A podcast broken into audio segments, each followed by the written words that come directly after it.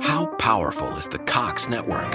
So powerful that one day the internet will let your doctor perform miracles from thousands of miles away, Connecting to remote operating room. giving a whole new meaning to the term house call. Operation complete. The Cox network, with gig speeds everywhere, it's internet built for tomorrow, today. Cox, bringing us closer. In Cox serviceable areas, speeds vary and are not guaranteed. Cox terms apply, other restrictions may apply.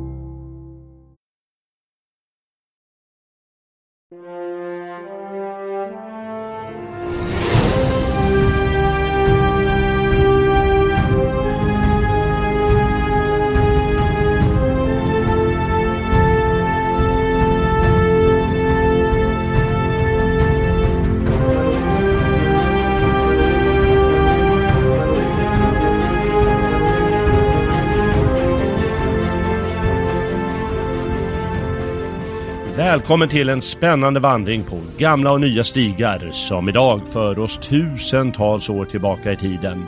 Eller kanske fram i tiden. Eller kanske bara till fantasins underbara värld. Med mig idag har jag Lennart Svensson som förutom att vara kunnig om svensk historia, gammal indisk tankevärld, preussisk krigskonst och Ernst Jünger även är skönlitterär författare. Den heliga flamman är en fantasyroman som utspelar sig i Baskant-erans yttersta dagar, skriven av Lennart Svensson givetvis. Och med mig har jag honom på tråden idag och säger Hej Lennart! Hej på dig Jalle! Ja, så nu ska vi se här. Det är kul att ha dig med igen. Sommaren har ju gått här. Har sommaren varit bra? Ja, det har varit en bra sommar och det är härligt att vara tillbaka i poddsäsongen.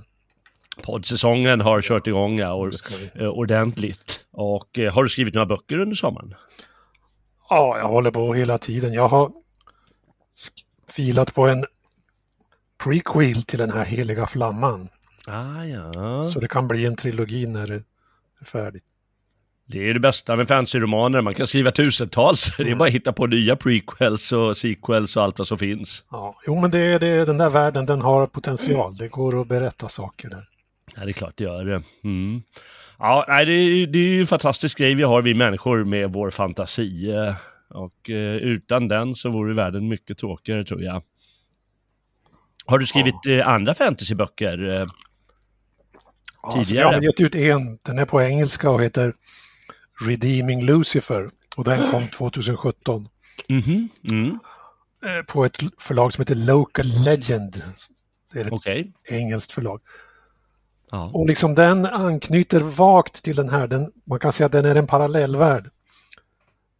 För att det, den värld där den heliga flamman utspelas, den världen heter Manhem. Mm, Och då är det en parallellvärld både till våran värld och till den värld som är i Redeeming Lucifer. mhm. Så att det är på så vis man kan säga att det här är år 9999 i Baskanteran. Och då är det liksom den egna inre kronologin för att det utspelas samtidigt parallellt med våran värld. Så att det finns ju potential att man kan skriva en berättelse om en snubbe som lever då i Sverige idag. Och så hittar han en mystisk passage till den här fantasyvärlden. Mm, Så det är ju just det. Det är ett gammalt beprövat grepp. eh. Det är ju beprövat. Det är både Astrid Lindgren och C.S. Lewis. De har ju kört det där. Mm, vad Men då är ju det att- Det stämmer ju även med modern fysik som säger att ja, men det kan finnas parallella världar. Ja, precis ja. ja. Så de är, då behöver man inte bara vara inriktad på en enda kronologi och en värld. mm. Utan det går att liksom uppfinna nya världar. Ja, då. bredvid ja, då. Och eh, filosofen Leibniz, en av världshistoriens största filosofer, han laborerar faktiskt lite med sånt där också. Möjliga världar och, och så. Jo, han sa att vår värld är den bästa av möjliga världar. Ja, det sa han också. ja, men det och måste det var ju enligt det här parallellvärldskonceptet att det kan finnas andra världar men de är nog i regel sämre. Mm, Och det är vad vi behöver veta då för vår andliga utveckling. Att mm, man ska egentligen inte drömma om parallella, att det vore, att om inte om vore så skulle jag varit kung i tro, Trollyfadenfia-världen. Ja. Liksom jag är en utstött kung som lever här som en dräng. Men ja, det finns många aspekter på. Ja, det finns många sätt. Jag, jag är ju inte så bevandrad i fantasy-litteraturen och då kommer jag ju bara på en bok jag har läst som, jag får nog kalla det för fantasy, vad heter den här Mörka materien-trilogin? Eh, har du läst den? Nej. Nej, men det är nog trilogi och den har faktiskt också en sån passage till vår egen värld och till andra då. Men vad, är det en svensk författare? Eh, nej, det är en eh, engelsk författare. Mm. Jag kommer inte ihåg vad han heter nu. Eh, ja, ja, strunt samma. Eh, det finns ju jättemycket fantasy och det är bra att du har skrivit andra. Har du skrivit några andra böcker än fantasy om du bara vill eh, innan vi kör igång här med ja. lite om den heliga flamman och, och fantasy-litteraturen. Du, kan du berätta om dina andra böcker? Jag har ju skrivit en roman som heter Burning Magnesium och den utspelas under andra världskriget. Mm. Men då är det roliga att i den boken förekommer en figur som också är med i Den heliga flamman och Lucifer-romanen. Ja. För den, och då symboliserar den här killen att det är parallella världar, man kan gå emellan dem. Just det. Och då har jag själv på ett elegant sätt knutit ihop den. Och jag kan knyta ihop alla mina romaner. Mm. Okej. Okay. Så är det jag tror att innan vi, innan vi tar, eh, och jag tänkte att vi kan prata lite om fantasyns, låt oss säga historia eller mm. liksom de typiska böckerna som, som finns eh, i fantasy-litteraturen. Eh, bara kan säga eh, kort vad din bok Den heliga flamman handlar om. Och innan det till och med så vill jag bara säga att den finns alltså att köpa på Logik förlag. Mm. Eh, den kan inhandlas där.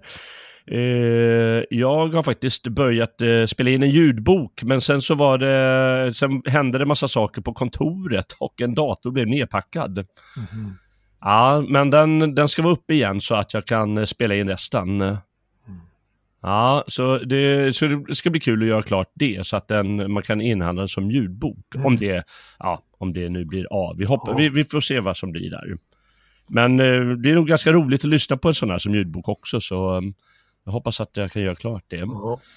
Som sagt, gå in på eh, Logik förlag och eh, skriv dit Lennart Svensson eller Den heliga flamman. Men eh, den här boken då, vi ska inte avslöja eh, liksom hela boken vad den handlar om, för folk vill ju kunna köpa och läsa mm. den. Men måste kunna säga i allmänhet vad den handlar om. Och om mm. jag börjar, bara börjar kan man säga att den har som två delar. Det handlar om en, en, eh, en person som letar efter ett förtrollat svärd. Mm. Och eh, första delen är när han letar efter det, mm. eller vägen till att eh, eh, hitta det, eller eventuellt hitta det. Vi ska inte avslöja allt. Och sen vad som händer efter hans sök, sökan. Mm. Precis. Mm. Men sen tycker jag att du får fylla i och säga vad du vill eh, ja. Eh, avslöja om bokens handling. Jo. jo, men alltså det är en heroisk, episk berättelse. Det utspelar sig i en slags medeltida värld. Men det har sin egen kronologi och det är en helt egen värld. Men det är ändå på jorden om man säger. Det är, liksom, det är sol och måne i skyn. Det är liksom ingen konstig planet som är borta i universums avgrund utan det här är liksom jorden fast en parallell jord. Mm. Det är månen i skyn och solen i skyn på dagarna. Och då berättas det i jagform av en hjälte som heter Parvan och han, han lever i en värld som befinner sig i en ganska sen fas. Den är liksom civilisationsfas, det är, det är genererad värld. Det är, kulturen har liksom kört slut på sitt krut. Och det finns egentligen inga riktiga hjältar längre. Och det får han ju höra hela tiden. Men den här Parvan, han, han vill bli en hjälte. Och sen får han ett uppdrag som han inser att han måste fullfölja. Och det uppdraget är att hitta Tyrelion, det flammande svärdet. Och vad som då ger honom inspiration att hitta det, det är att det är tabu, det är förbjudet. Man får inte ens nämna det här svärdet för att det är så farligt. Bara någon tar det där svärdet och drar det en nanometer ur slidan, ja men då brinner världen upp. Det är vad han har fått höra i sin barndoms legender. Och mm. naturligtvis kan han ju inte motstå och söka det där svärdet. mm. ja. Jo, men då blir det som en sorts elementär fantasy-epos att man ska hitta det berömda svärdet. För vi har ju till exempel i nordisk mytologi, där har vi ju svärdet Tyrving. Och det var ett något, ja det var ett berömt svärd och det var lite numinöst. Det var några varnande legender kring det. Att Mm. de dvärgar som smidde det, de sa det till mannen som fick det att om du drar det här svärdet så kommer det varje gång att orsaka någons död. Mm. Och dess, dess mer så kommer det att tre gånger orsaka nidingsdåd. Just det. Och så, har man, så läser man också där i den legenden att jo, men när, när Tyrving drogs då det var som att det, det sken om det, det var som ett ljussken. Och det läser man samma sak om en indisk hjälte som heter Kalki. Han, Mm. han har också sitt svärd. Och det är liksom ett skinande svärd och det ska skipa rättvisa. Mm. Och sen finns det ju Nostradamus där han berättar om att det ska komma en laggivare. Han ska, han ska straffa ogudom, ogudaktiga element och det Ja, det är King Arthur och det är Holger Danske och det är andra sådana här hjältar som berättar om att de ska komma och skipa rättvisa. Mm. Och det är lite samma sak här att det är en legendarisk hjälte ska komma och så ska han dra ett legendariskt vapen. Så det är verkligen historiskt mytiska eh, stämningar som grasserar. Just det. Ja, men det känner man igen. Då har ju du dragit några, vad man skulle kunna kalla inspirationskällor. Du sa Arthur-legenderna och du sa gammal indisk eh, tankevärld. Eh, du sa det här med eh, eh, fornnordisk Ja. eh, myt och saga. Och eh, du sa någonting mer. Ja. Det kanske du inte gjorde.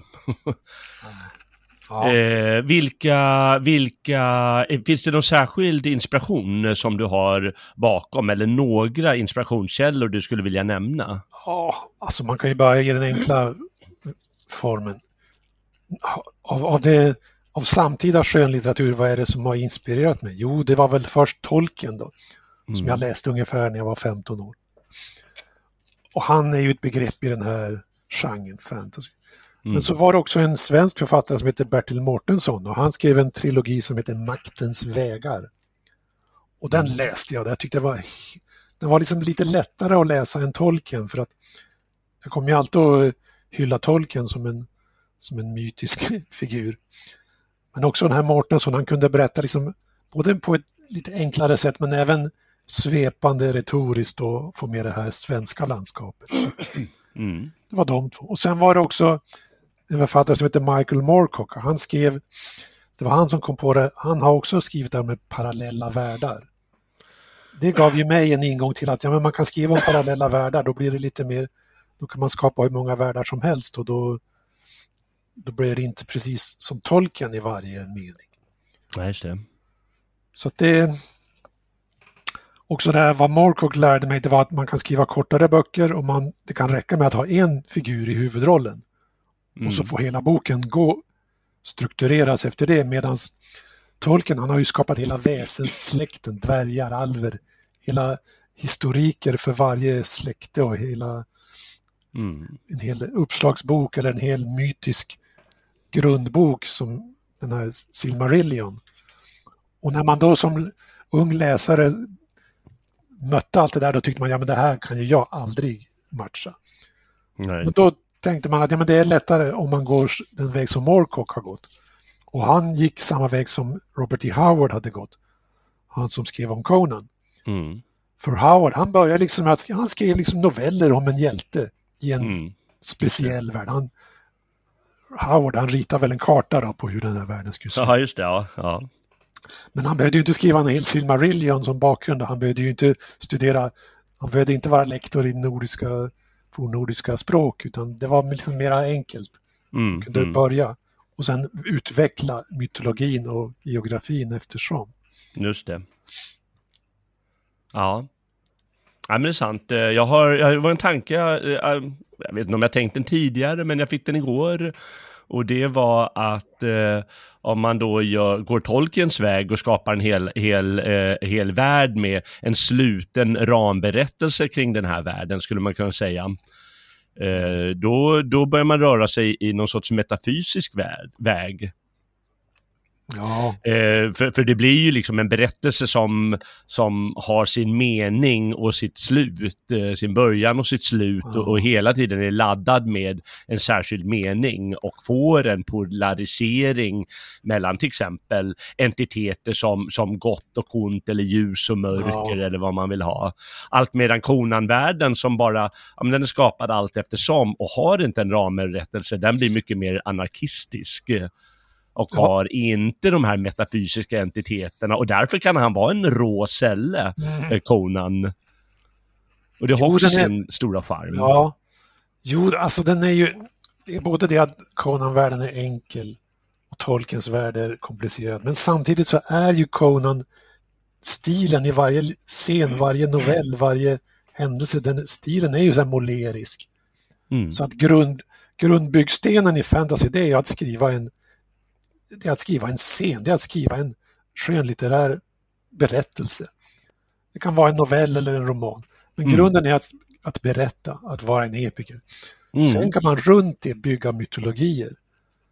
Men det, är de, man gör ju fel om man, eller man gör ju inte fel, men man gör ju en väldigt, lite svårt för sig om man som Tolkien först skapar mytologin och hittar på tio namn för varje gestalt och synonymer. Ja. För det måste man ha någon speciell begåvning, men grundbegåvningen är att vara episk berättare och kunna berätta och skriva åtminstone en novell ja, som, precis. som har den här charmen och medryckande stil. Jag håller med. Och eh, ja, då kommer vi lite, eh, lite osökt in på vad vi då kan kalla fantasins historia. Mm. och de tidigare, och då har vi ju nämnt här, två utav de tidigaste är just eh, Tolkien. Mm. Eh, även om Sagan om ringen eh, kommer först på, skrivs först på 50-talet. Eh, kan det vara Ja. det? 40 och 50-talet? Och Eh, det- Den, den skrevs under andra världskriget och kom Ja, ut exakt. Men han har ju skrivit då, som du sa innan, den här Silmarillion och, och, och Ram, och som också är en, en mängd berättelser. Ja. Och själva ramberättelsen har han ju utvecklat tidigare och skrivit om. Ja, han, han, jag tror han började Silmarillion under första världskriget. Ja, just det. Det var liksom den första lilla novell berättelsefragmentet så att det, det har ju byggts på där då. Mm. Och sen så har vi då... Tolkien- Ja. Ja, förlåt. Ja, du nej, säg vad du skulle säga. Jag, jag skulle ju gå över till, eh, till Howard sen. eh, Mm. Eh, men du kan väl säga något mer om tolken där? Nej, jag har inget mer om honom just nu så att vi, Nej, kan, nej, gå okej. in, vi kan gå in på Howard. Ja, men då kan vi gå in på Howards Conan-berättelser som alltså först skrevs de väl i, i eh, sånt här magasin som Weird Tales. Ja, eh, just det. och eh, det var ju vad de då på engelska kallar så här pulp eh, fiction, eh, liksom någon sorts kiosklitteratur. Ja.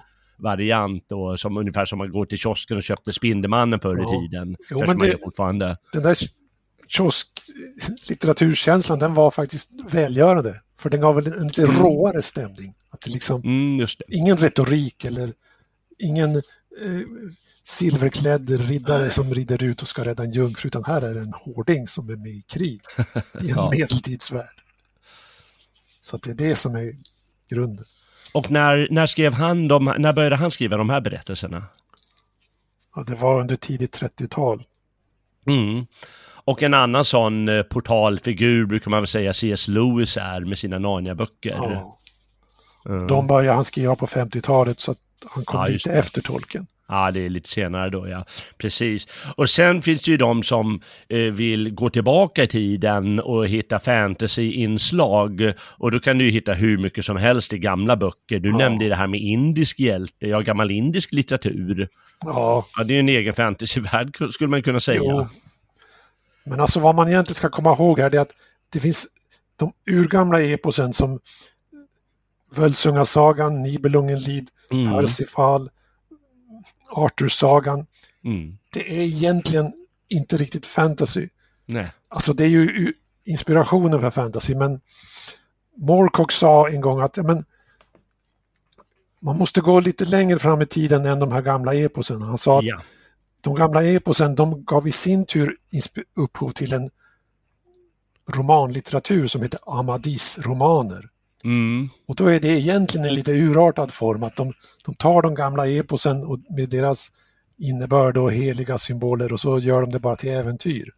Mm. Just det. Och det är också- Amadis-romanerna, är det, är det de du menar som att Don Quijote har förläst sig på? Exakt, ja. exakt det jag skulle säga. Att Don Quijote han har förläst sig på Amadis-romaner. Mm. För att det är liksom en något artificiell värld, men det är en medeltidsvärld och det är epos och det är hjältar och de ska utföra hemliga uppdrag. Just det. Och det är alltså, det är, fantasy-litteratur skulle man kunna säga, inte som vår moderna fantasy, utan det är en sorts fantasy-litteratur som fanns på 1500-talet Ja. helt enkelt, 1400 och 1500-talet. Ja, Som, det är som spanjorer och fransoser skrev romaner helt enkelt. Mm. Jo, Ja. det är det, för att det går liksom lättare att återföra dem på en författare. Just Och det. även om man inte exakt vet vilken snubbe som skrev någon så är det att de har de går liksom att återföra på en, någon sorts författartemperament. Mm. Medan Völsungasagan och Eddan och Beowulf, det är lite mer liksom namnlös, namnlös och odödlig upphovsman. Ja, och dessutom så är det som att eh, det är ren verklighet det som står där. Precis. Det som händer i Odysseen eller i Völsungasagan och så, det är som att, ja men det är verklighet.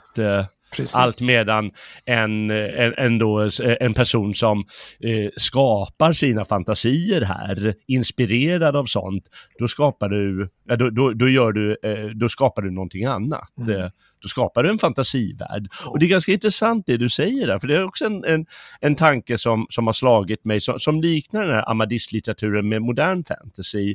Och det är, och, och, som då inspirerar just Don Quijotes hjärna Mm. den här riddaren av den sorgliga skepnaden som går ut och låtsas, han, han vill han vill vara en fin riddare, de som inte känner till Don Quijote. Han vill ju vara riddare och, och rädda eh, jungfrur och slåss mot drakar och så. Och så Mm. visar sig att världen är egentligen bara krass.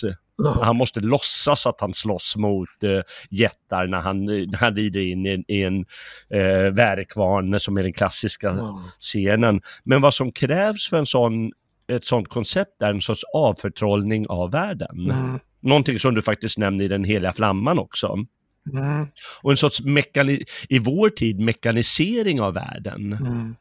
Och det gör att eh, vi, på något sätt så känns det ibland som vår värld är främmande med den här totala mekaniseringen eller digitaliseringen Mm. som vi har nu för tiden. Och den här avförtrollningen, och det är alltså ett sociologiskt begrepp av, Mm. av Max Weber Mm. från början av 1900-talet, eh, att eh, tidigare var världen magisk på många sätt. Till exempel om man var religiös, Ja. eller bara att verkligheten var, eh, den var inte bara krass verklighet, utan den var laddad på något sätt eh, för Mm. människor. Men när den här avförtrollningen sker, då, då, då längtar vi efter det andra och skapar sån fantasy-litteratur. Mm. Exakt. Jo, men det är precis det. det. Det man lär sig i litteraturhistorien och historien i stort är att ja, men Don Quijote, han hade rätt. Eller den romanen, den säger oss sanningen. Att Ja. gamla myterna, det är bara larv. Det är bara larvigt att tro att man är hjälte. För nu är det den moderna tiden, nu är det bara handelsmän och bönder och politiker. Liksom. Det finns ingen heroism. Men då är det på något sätt att fantasy-litteraturen säger att men, trots allt så finns det heroism. Det, det går att berätta meningsfulla berättelser om hjältar i den här äh, mytiska ramen med hjältedåd och sköna damer och monster och allt det där. Mm. Och så att, jag menar, visst kan man berätta om heroiska dåd på andra sätt. Man kan ju göra som Ernst Jünger och skildra ens upplevelser i första världskriget.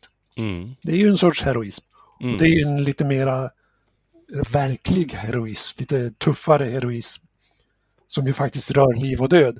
Än om man hittar på en fantasivärld. Men, men det är så att det onödiga är nödvändigt. Man Mm. måste gå emot sa- samhällsmentaliteten som säger ja men det finns inga äventyr, det är bara, det är bara syn, cynismen styr och vi ska alla bli eh, internetoperatörer och ingen ska vara ute och gå. Ingen ska tillbe någon gud i skog och mark. Mm. Så att fantasy-litteraturen är lite grann en motståndsrörelse. Det är att, och det kan vara ett sätt att återförtrolla världen. Ja, visst. För jag tycker helt klart att den här återförtrollningen, den, är, den kommer att ske och den är historiskt, astrologiskt bestämd. Ja, just det. Ja, ja. Ja, du, du, du lägger en metafysisk eh, tolkning av, av världen Ja. och så här. Och varför inte? Det ja. ligger mycket jo, i men det. är det att då, fantasy, mina fantasyromaner, det blir en populärframställning av det här mitt filosofiska budskap, mm. kan man säga. Mm. Jag tror också det finns eh, tendenser till en återförtalning av världen och jag tycker att man ser sånt i Eh, inte bara med fantasy-litteraturen, man kan ta hela det här, brukar tala om eh, vampyr och, och varulvskonceptet. Det är mm. människor som, som de, de klär ut sig och börjar tro att de är varulvar. Ja. För att de är inspirerats av en tv-serie. Ja. Och till slut så händer det någonting, att människor vänjer sig vid det där. Jo, men det är det att vi har ju också asatrons upp... Vad heter det? segertåg, det ökar i alla fall. Mm. Det är liksom shamanism, paganism, folkmusik, mm. nationalism. Nationalismen ja. har en sorts förmåga att leva vidare. Det, ja, ja det, det, det, är, parallell, en... parallellt med allt den här realismen och den nyktra världen och den analysen och förnuftet så lever drömmen och magin vidare och fantasyn är en symbol för det. Ja, Nej, det är, det är lite så. Jag, jag vill samtidigt vilja försvara den store Don Quijote som jag älskar nästan över allt annat. En underbar figur va.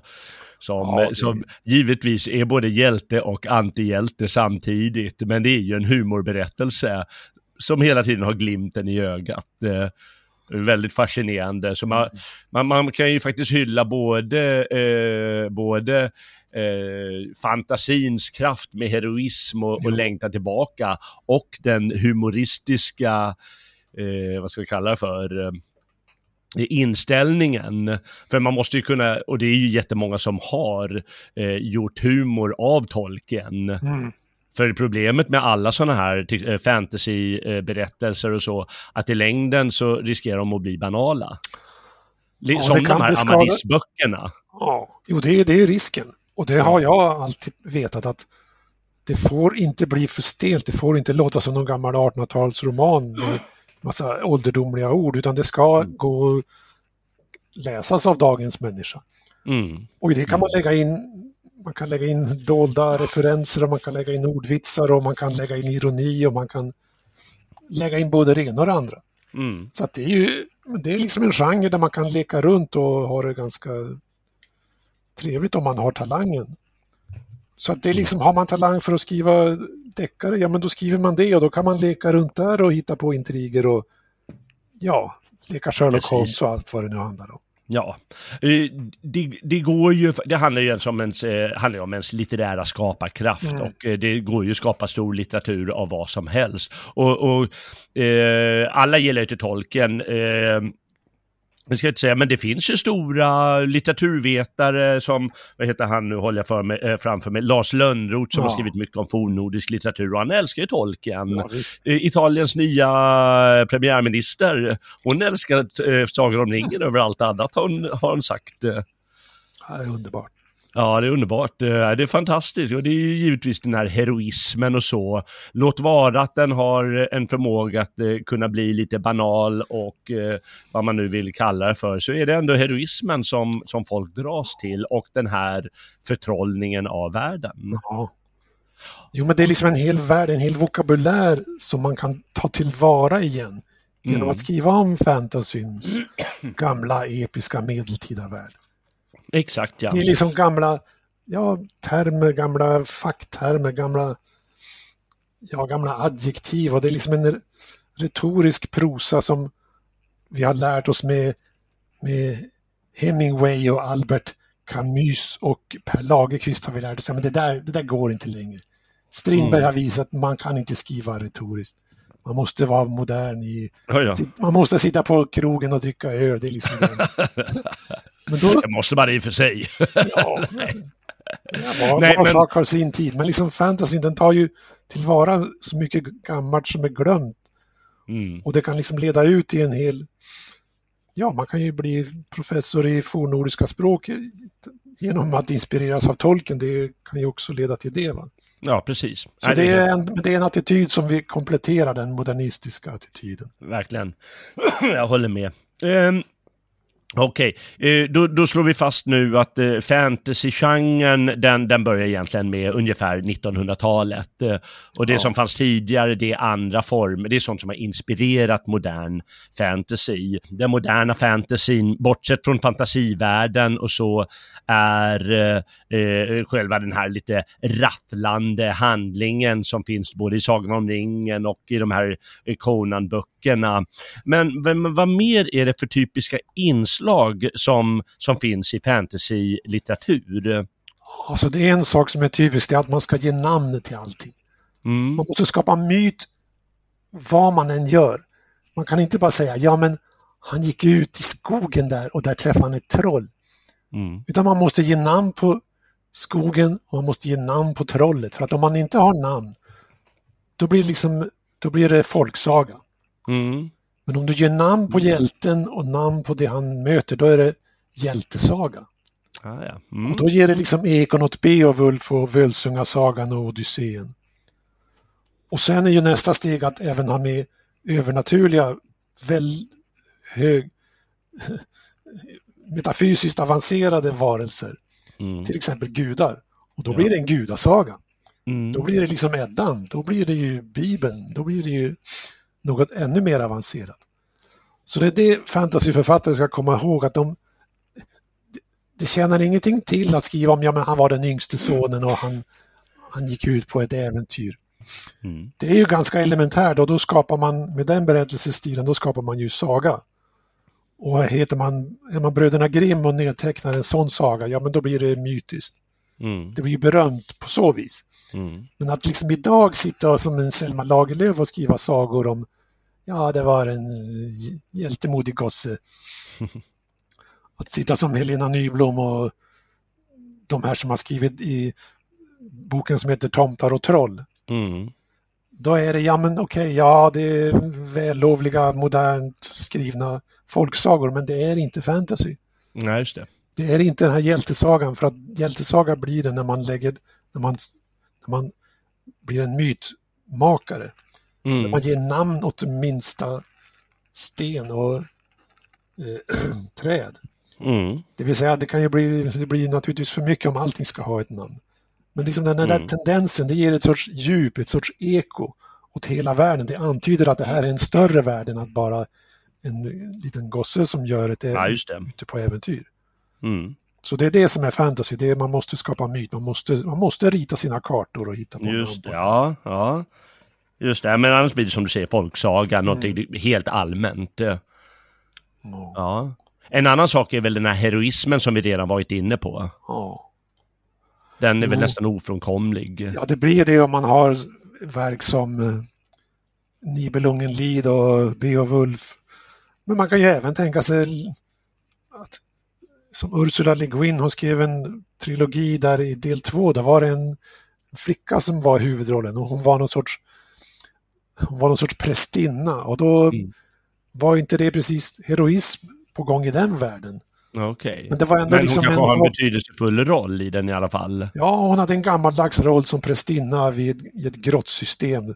Och till det mm. grottsystemet så kom då eh, till slut en hjälte, trollkarlshjälten Ged mm. som presenteras i del 1. Men liksom man, be, man behöver inte enbart ha hjältar och fältslag. Man, det, kan liksom, det möjliggör att man kan skriva om ja, hovintriger och man kan skriva om dolda skatter och mytiska länder och man kan skildra ländernas geografi och man kan skildra troll och vättar och man kan skildra underjorden så att det behöver inte bara vara hjältar men de har ju naturligtvis sin givna mm. plats i det hela. Mm. Eh, hur stor roll spelar eh, magi? Alltså det behöver inte vara att man lägger trollformler utan det kan vara förtrollade saker eller det kan vara saker som har en särskild laddning som, som i ditt fall med det här, givetvis det här svärdet då som ska få världen att, att brinna enligt myten. Eh, men det kan ju vara andra magiska saker, det kan vara en medaljong eller det kan vara ett annat vapen, eh, en kapp eller vad som helst. Ja. Hur stor roll spelar det? Jo, men det måste alltid, det ska finnas ett magiskt skimmer runt saker och ting. Mm. För att om man bara skildrar folk, en hjälte som letar skatter för att han ska omsätta det i guld, då blir det lite prosaiskt. Mm. Även om Conan-berättelserna kan tendera åt det ibland. Men det finns ändå den här magin, det finns det övernaturliga. Mm. Och jag har med det i min bok så att det är inte ut, uttryckligen, jo det är kanske uttryckligen, det är en figur som heter Kennur. Mm. Och han är en sorts Oden-figur. Men han uttrycks, skildras lite vagt som antingen trollkarl eller så är han halvgud eller så är han gud. Mm. Och det är det att han är en drivande gestalt parallellt med den här hjälten då, Parvan. Så att jag har, det är det som gör den också väldigt nordisk, att det är den här Oden-känslan. Att man, man ska rida ut i skogen och så där ska man slå sig ner vid en lägereld och där ska det sitta en man i slokhatt med långt skägg som är och som utövar en väldigt oemotståndlig magisk närvaro.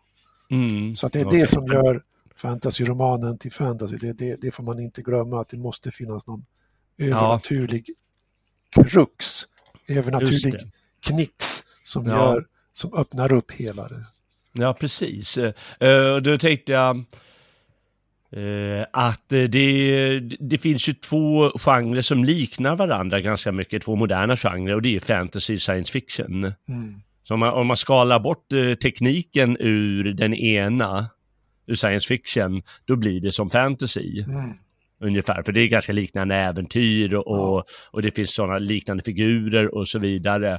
Men, men då har vi att istället för eh, avancerad vetenskap som det är science fiction så har vi alltså istället en, en magisk värld Ja. Där, eh, där de magiska krafterna eller övernaturliga krafterna eh, gör att man kan åstadkomma vissa saker eller att vissa saker händer. Mm. Allt medan det är tekniken som gör att man kan åstadkomma, eh, åstadkomma saker i den andra. Jo, det är precis så det är. Det är liksom magikern i den ena och vetenskapsmannen i den andra. Mm. Och sen är det vetenskapens goda och onda användning och magins goda och onda användning. Så Ja, det. det. det befruktar varandra. Mm. Eh, vilka, va, vad har du? Du har ju, så du sa att du hade den här personen Kennur som en sorts eh, Odengestalt Mm. eller trollkarl Ja. eller, eller någonting, en vis man. Och så har vi det här eh, svärdet som du sa, ödesbestämda svärdet. Eh, och du har hjälten givetvis som rider på sin häst. Eh, vad, vad mer har du för, eh, för in för inslag i, i din roman då som är eh, typiska för fantasyn? Ja, jo men alltså han, den här Parvan han träffar, till, han träffar under sina äventyr en kvinna som heter Randalla. Hon är det gröna slottets härskarinna och hon kallas även kvinnan vid brunnen. Och det är liksom väldigt djupt det där att hon står vid brunnen och öser upp vatten och kvinnan som elementär varelse är ju en brunn. Hon är liksom den källa ur vilken framtida släkten ska utgå och så vidare. Mm. Så att hon har också en enorm betydelse för denna roman. Jag menar, skulle han bara, den här hjälten bara åka runt och leta skatter och hinna, hitta ett svärd och sen dra svärdet och möjligen bränna ner världen, då skulle det bli lite sterilt. Mm. Men han hade ju, han har ju både före och efter det stora dådet så har han ju, så umgås han ju med sin kvinna då.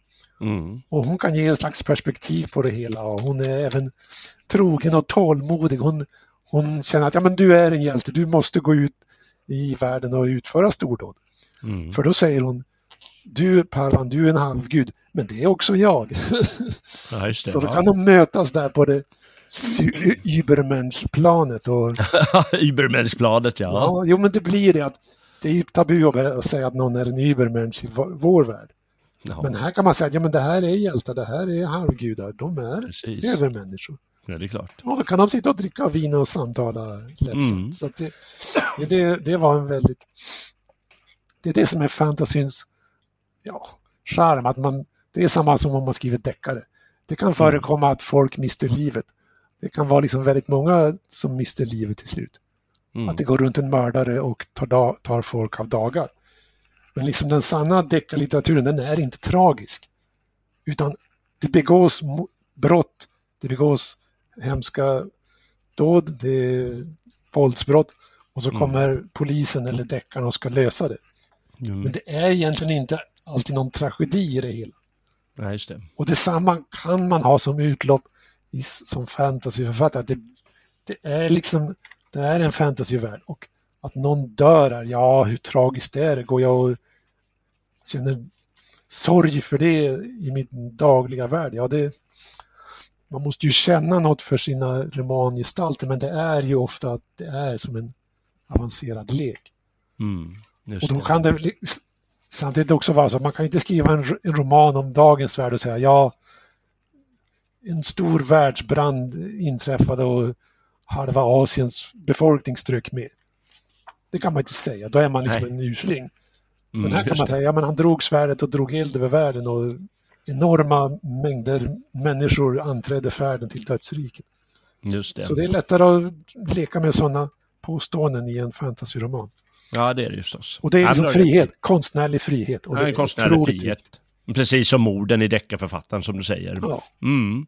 Ja, det har du helt rätt i.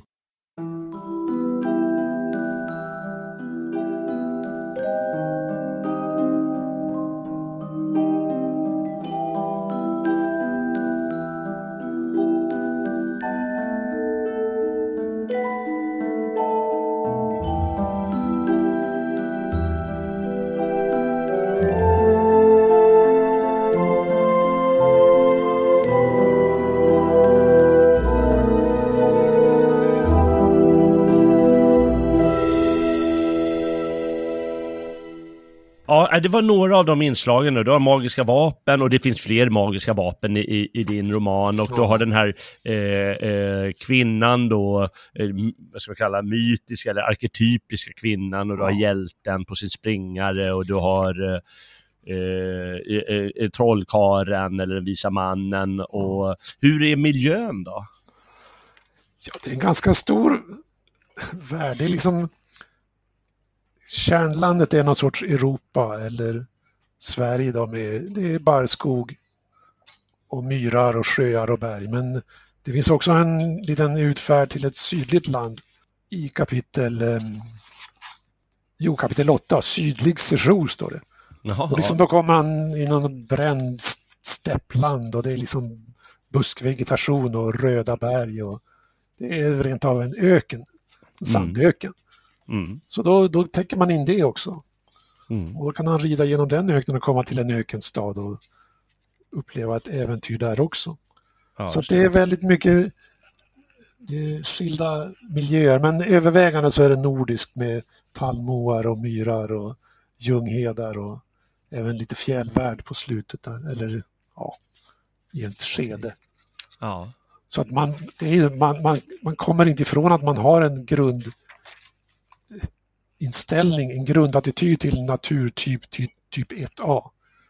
Alltså är man född i, är man född i djungeln, ja men då är djungeln den naturliga ja. naturen. Och är man född på steppen, ja men då är stepp och slättland det naturliga. Och är man född i skogen som jag då, som är född i Åsele Mm. i Norrland, då är liksom skogen det naturliga. ja just det. och förhoppningsvis fått lite nordisk känsla med i den här romanen. Ja, men det får man ju förstås. Så det är som du säger, att det är ditt naturliga habitat och det är klart du skriver det. Mm. Annars vore det ju konstigt. Eh, Och det är ju sånt som folk klagar över tolken. Att, ursäkta. Eh, Det, ja, men det är ju som Västeuropa. Ja, men han var ju västeuropé. Ja. Det är inte svårare än så. Nej, det är västeuropeiskt. Jätteenkelt. eh, Så är det löst. Men du, du har gjort en liten inramning ursäkta, av den här boken med, med någon sorts eh, kronologi och historia. Och du sa ju nu i början att den utspelar sig i, i slutet av en era. Och det är en, en liten eh, urartad värld, eller ska man säga dekadent, att man liksom, kulturen har gjort sitt mer eller mindre. Och eh, är det, är det liksom någonting som du ville, ville, ju- just ville göra när du skrev den här, eller kom det bara med? Ja, det kan vi säga. Det börjar med världsbranden och sen skulle jag motivera det. Nej, men jag har liksom ofta tänkt på men hur är det om det fanns ett, ett förbjudet svärd, ett ildsvärd? Ett svärd som drar eld över världen. Det är nästan som i Eddan där svärdet Gambantein i slutet är liksom är i onda makters våld och Surt och Muspelsönerna de drar svärdet och så brinner världen upp. Mm. Men då kom jag på att ja, men det blir ju en radikalkonservativ predikan om, man, om, det, om detta görs i den kontexten att världen är degenererad. och att det inte finns några hjältar, då säger folk ja men det finns, det är ingen idé att gå ut på heroiska uppdrag för det, heroismen är död. Men då blir ju liksom repliken mot allt detta ja, men jag är Parvan, jag är den sista hjälten och jag ger mig ut på det sista hjältedådet som är att finna det flammande svärdet. Och just genom att han utfört dådet och dragit svärdet, ja men då sätter han punkt för kulturen. Och då liksom sätter han punkt för debatten. Då har han vunnit debatten. Mm. Men då, han medger ju själv att ja, men det är, heroismen är på sätt och vis död i hans värld. Mm. Men då när han har skapat en världsbrand, då, liksom, eh, då, då kommer världen i ett nytt läge för att då har mänskligheten ändå överlevt till, till vissa delar. De sämsta elementen har förtärts av flamman. Men de bästa elementen är kvar och med dem kan man bygga en ny värld. Mm. För att liksom, det vet vi hur man, i skogsbruket, man kan bränna ner en skog. Mm. Och då i askan som är, det kan man odla. Mm. Det är bara nyttigt att bränna ner lite mark, idka svedjebruk. Det är bara nyttigt med lite, Ja. och det är även i maj, sista april varje år, det är bara nyttigt att bränna, dra ihop skräp i en hög och bränna. ja, just det. Ja, det- precis. det är Det liksom- måste man göra. Det är en reningsrit, även andligt, alltså man, även bara att sitta framför ett brinnande ljus kan liksom rena ens aura. Ja. Så att det här med att ha majbrasor, det är en reningsritual. Mm. Och i den här, världen, i den här boken så går, genomgår hela världen en reningsritual. Ja. Och sen kan man skapa en ny värld då i radikalkonservativ anda där eviga värden åter ska styra. Exakt ja. Och det känner man givetvis av det där att eh, du, vill, du vill säga någonting med boken om just den här behovet av en reningssituation. Mm. Eller vad man ska kalla det för. Jo, jo, men det är faktiskt, jag har gått igenom det här scenariot på olika sätt. Jag menar, jag skrev ett annat utkast, då var det i en annan värld. Då var det en elaking som brände ner världen. Mm. Och han liksom såg med illa dold tillfredsställelse på hur allting brann. Mm. Men den här hjälten, han är liksom han är, han är apateia, han är, han är en stoiker. Han Mm. utför sitt uppdrag för att han måste det. Mm. Han, han, sitter in, han flyger inte runt och drar sitt eldsvärd för att han njuter av det, utan han känner att jag gör det här för att jag måste. Jag är gudarnas redskap. Mm. Så det är en, finns flera nivåer i det här. Det är liksom inte bara en hjälte som ska ut och skina för sitt eget ego-trippandes skull, utan han gör det för att han måste det. Han är ett gudarnas redskap. Just det. Han känner sig som en ödets man. Exakt, det är ödet. Ja, just det. Eh, nej, men det, det, det är bra. Det, det bör man ju ofta ha i en bok. Eh, någon form av eh, känsla för eh, alltså ett djupare tema eller vad man ska kalla det för. Ja, man måste alltid ha ett statement, det gäller alla romaner. Mm. Om du skriver en roman om en snubbe idag, år 2022, Mm. du måste ha ett statement vad denna person vill. Mm. Även om man bara gillar att syssla med vin, kvinnor och sång, ja, men då ska det vara ditt statement. Då ska du, då ska du predika det i romanen. Just det. Så Ja. det, det, man måste alltid häkta upp det på någonting. Man kan inte bara imitera föregående storverk. ja, nej, det kan man inte göra. Då, då blir det tråkigt alltihop. Mm. Ja. Eh, hur är fantasy-litteraturen eh, idag? Eh, den är väl antagligen större än någonsin. Mm.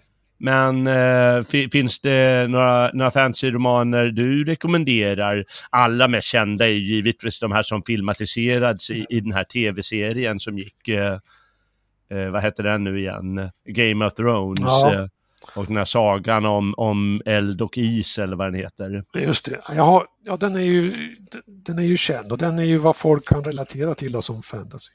Mm. Nu har inte jag läst den, men ett närliggande exempel på Logikförlag, det är ju Juha Snellman, eh, Slavarnas tidsålder. Ja, just det. Ja. Och den är ju väldigt, den är unik på sitt sätt för att det är också en episk fantasy, det är en, en, en parallellvärld, en fantasivärld. Och sen har den den här fennoskandiska känslan. Mhm. Det är liksom lite Kalevala, det är lite Finland, det är lite Mm. karelska urmarker. Just det. Där bryter han ny mark kan man säga. Ja, Och- ja men sant. Jo, alla vi som älskar Kalevala, det, är, det är något för oss ja. Jag har bara läst det lite, men liksom det är också där någon form av radikalkonservativ predikan att dagens materiella värld är urspårad och vi måste gå, vi kan gå tillbaks till en äldre magisk värld och hitta eviga värden.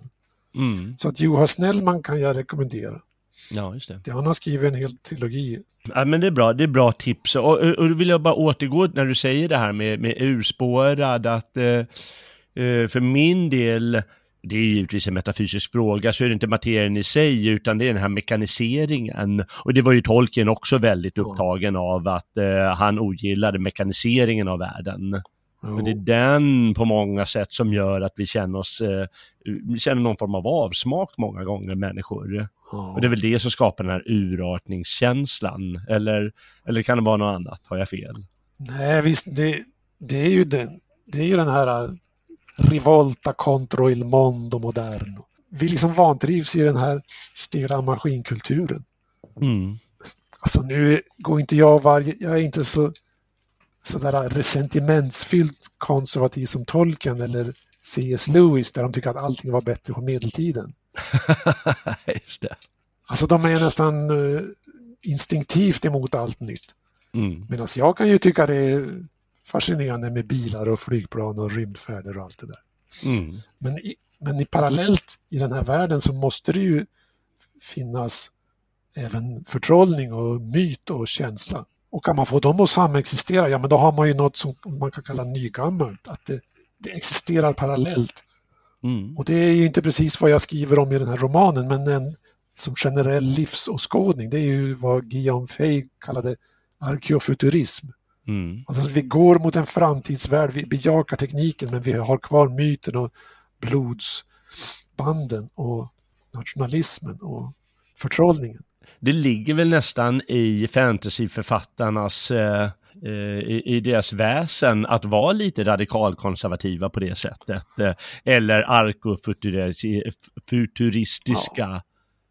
Som du nämnde där. Ja. Det är väl nästan omöjligt för dem eh, att inte ha lite sån känsla. Annars skulle de inte skriva om magiska svärd och då skulle de skriva om bilar istället. Ja, jo men det är lite lustigt där att Tolkien och C.S. Lewis de var genuint konservativa.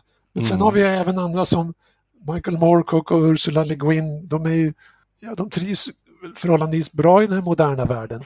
Men ändå så har de förmågan att måla upp gamla tidens världar och ha magi mm. och sånt där. Så att det, de är på något sätt då mot sin vilja arkeofuturister och någon sorts, ja de har en öppning mot det här gammaldags, mot det magiska. Mm. Och det kan man även kalla en sån författare som Paul Anderson. Han var en amerikan som skrev, han började med att skriva science fiction på 50-talet. Men han hade hela tiden kvar sitt, sitt nordiska arv, han hade danskt påbrå. Och sen skrev han flera fantasyromaner med, med nordisk känsla. Som The Broken Sword och The War of the Gods och The Three Hearts and Three Lions. Så det är fascinerande att en man som lika väl kan ge en vision av framtidens rymdfart. Han kan skriva om, han kan trovärdigt skriva om medeltidsgermaner och deras förtrollade värld. Ja. Nej, det är, en, det, är en, det, det är på många sätt en, en fascinerande genre, det där med fantasy, om man börjar fundera på vad den, vad den innebär och vad den kanske liksom känslomässigt vill säga och ja. metafysiskt vill säga. Så, så, så hamnar man eh, ofta i, i den här antingen eh, gammaldags konservativa eh, idén eller då en mer radikal konservativ eller som du skrev om eh, Ursula K. Lewin att det är lite mer progg eh, konservativ ja. kanske om man jo. kan vara det. Och, jo, genren, och, genren i sig är på sätt och vis neutral men man kan som radikal konservativ gå in där och ta dess rekvisita och använda för sina syften. Ja, verkligen. Jo, men det kan man. Det är, det, det, tycker jag verkligen. Det, det, blir ju ofta det. Och det är ju väldigt, jag tycker det är en väldigt viktig insats att få myten att leva som du säger. För vad är vi annars utan det? Det blir väldigt prosaiska i slutändan.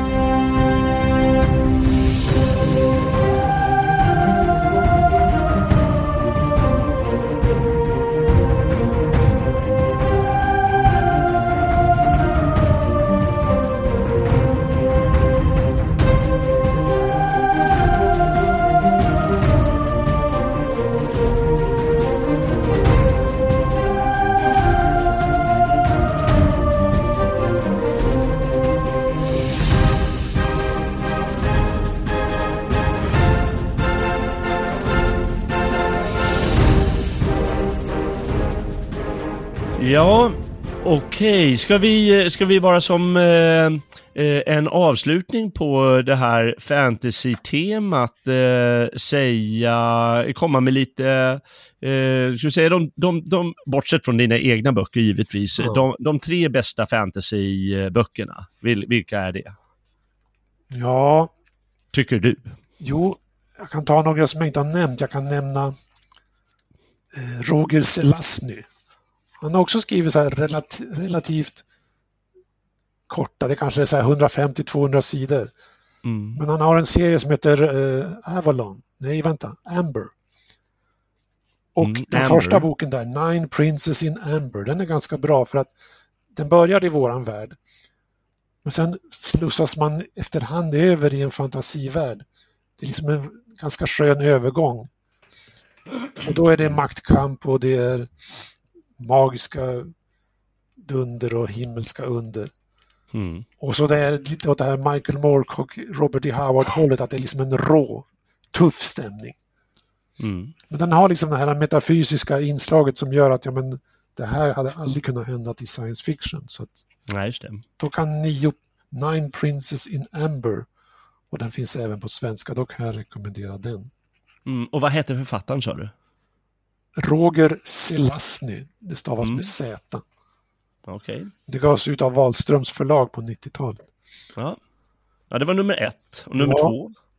Nummer två så tar jag en bok av Michael Moorcock som är lite, den ingår i hans universum men den är lite fristående för att den, den börjar i våran värld under 30-åriga kriget med en kapten i en tysk armé som heter Graf Ulrich von Beck.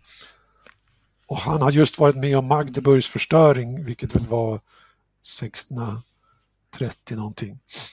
Men då är han trött på allt, alla allt, all förödelse och alla mordbränder och alla, all död och förintelse. Så han rider bort från slagfältet och kommer till en avskild borg och där får han ett uppdrag av en gåtfull jungfru Mm. som senare för honom till Lucifer, underjordens härskare och han ger honom i uppdrag att finna den heliga grav.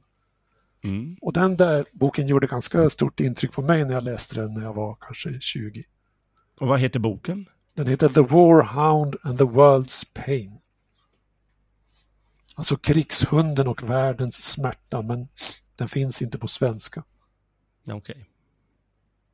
The Warhound and the And World's the Pain. World's Pain. Precis. Mm. Okej, och nummer tre då? Nummer tre, det får bli en engelsman som heter Lord Dunsany. Han skrev noveller. Och kring, kring år 1900 så gav han ut en som heter The Book of Wonder. Och han har gett ut flera noveller. Det finns även de som heter... Vad ska vi se, jag har dem på e-boksform. Mm. Ja. Han skrev The Book of Wonder och han liksom, det är korta, eleganta noveller.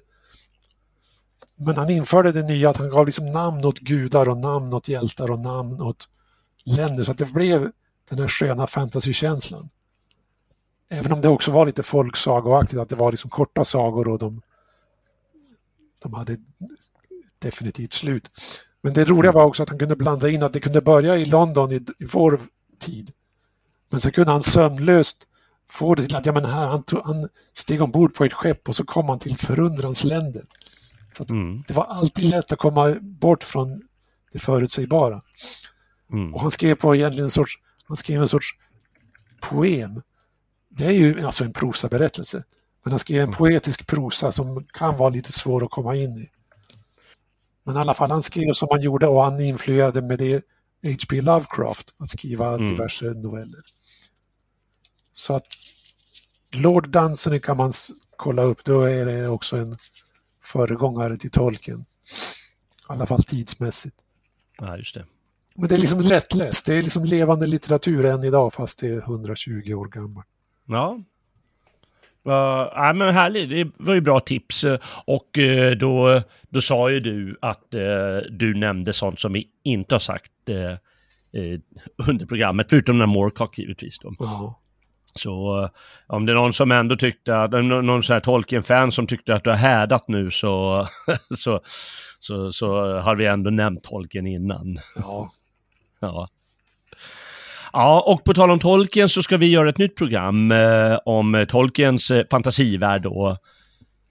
Som, Yes. eh, som, eh, ja, som också kommer framöver här i eh, på gamla och nya stigar. Och eh, ja, jag ser fram emot eh, den eh, eh, jag ser fram emot det programmet, eh, att göra det. Eh, finns det någonting eh, du vill avsluta med nu? Eh, eh, bara som sammanfattning av det hela. ja. Jo, men jag har ett bra sätt att avsluta. Det är att lä- jag ska läsa ett kort utdrag ur min bok. Ja, vilken bra. Den heliga flamman alltså. Ja, Mm. den heliga flamman. Och nu ska jag då läsa om hur hjälten och hans kvinna på slutet kommer till en stad som heter en religiöst grundad stad som heter Solhem. Där det ska bli en ritual. Och då berättar han så här. Vi visades till det palats vi skulle bebo. Ett tvåvånings praktverk med pelare flankerande porten.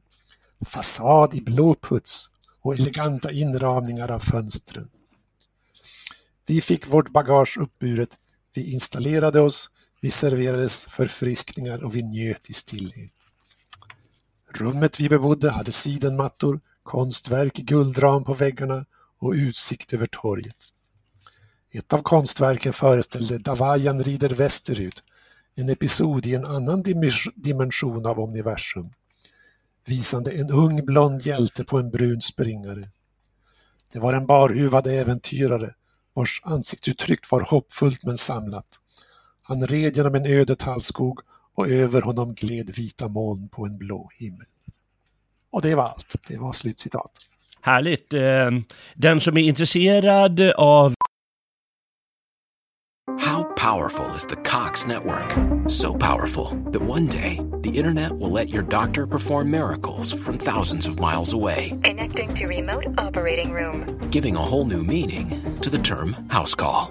Operation complete. The Cox network, with gig speeds everywhere, it's internet built for tomorrow, today. Cox, bringing us closer. In Cox serviceable areas, speeds vary and are not guaranteed. Cox terms apply, other restrictions may apply. Spring into savings at your neighborhood BJ's. From April 25th to May 22nd, save $4 on select skincare products only at BJ's, like Neutrogena makeup remover wipes, Beach Defense sunscreen, and retinol regenerating cream. Lubriderm 24 hour non greasy moisturizer, and Aveeno Daily Moisturizing Lotion. Save April 25th to May 22nd with select skincare products at BJ's. Visit BJS.com for more information.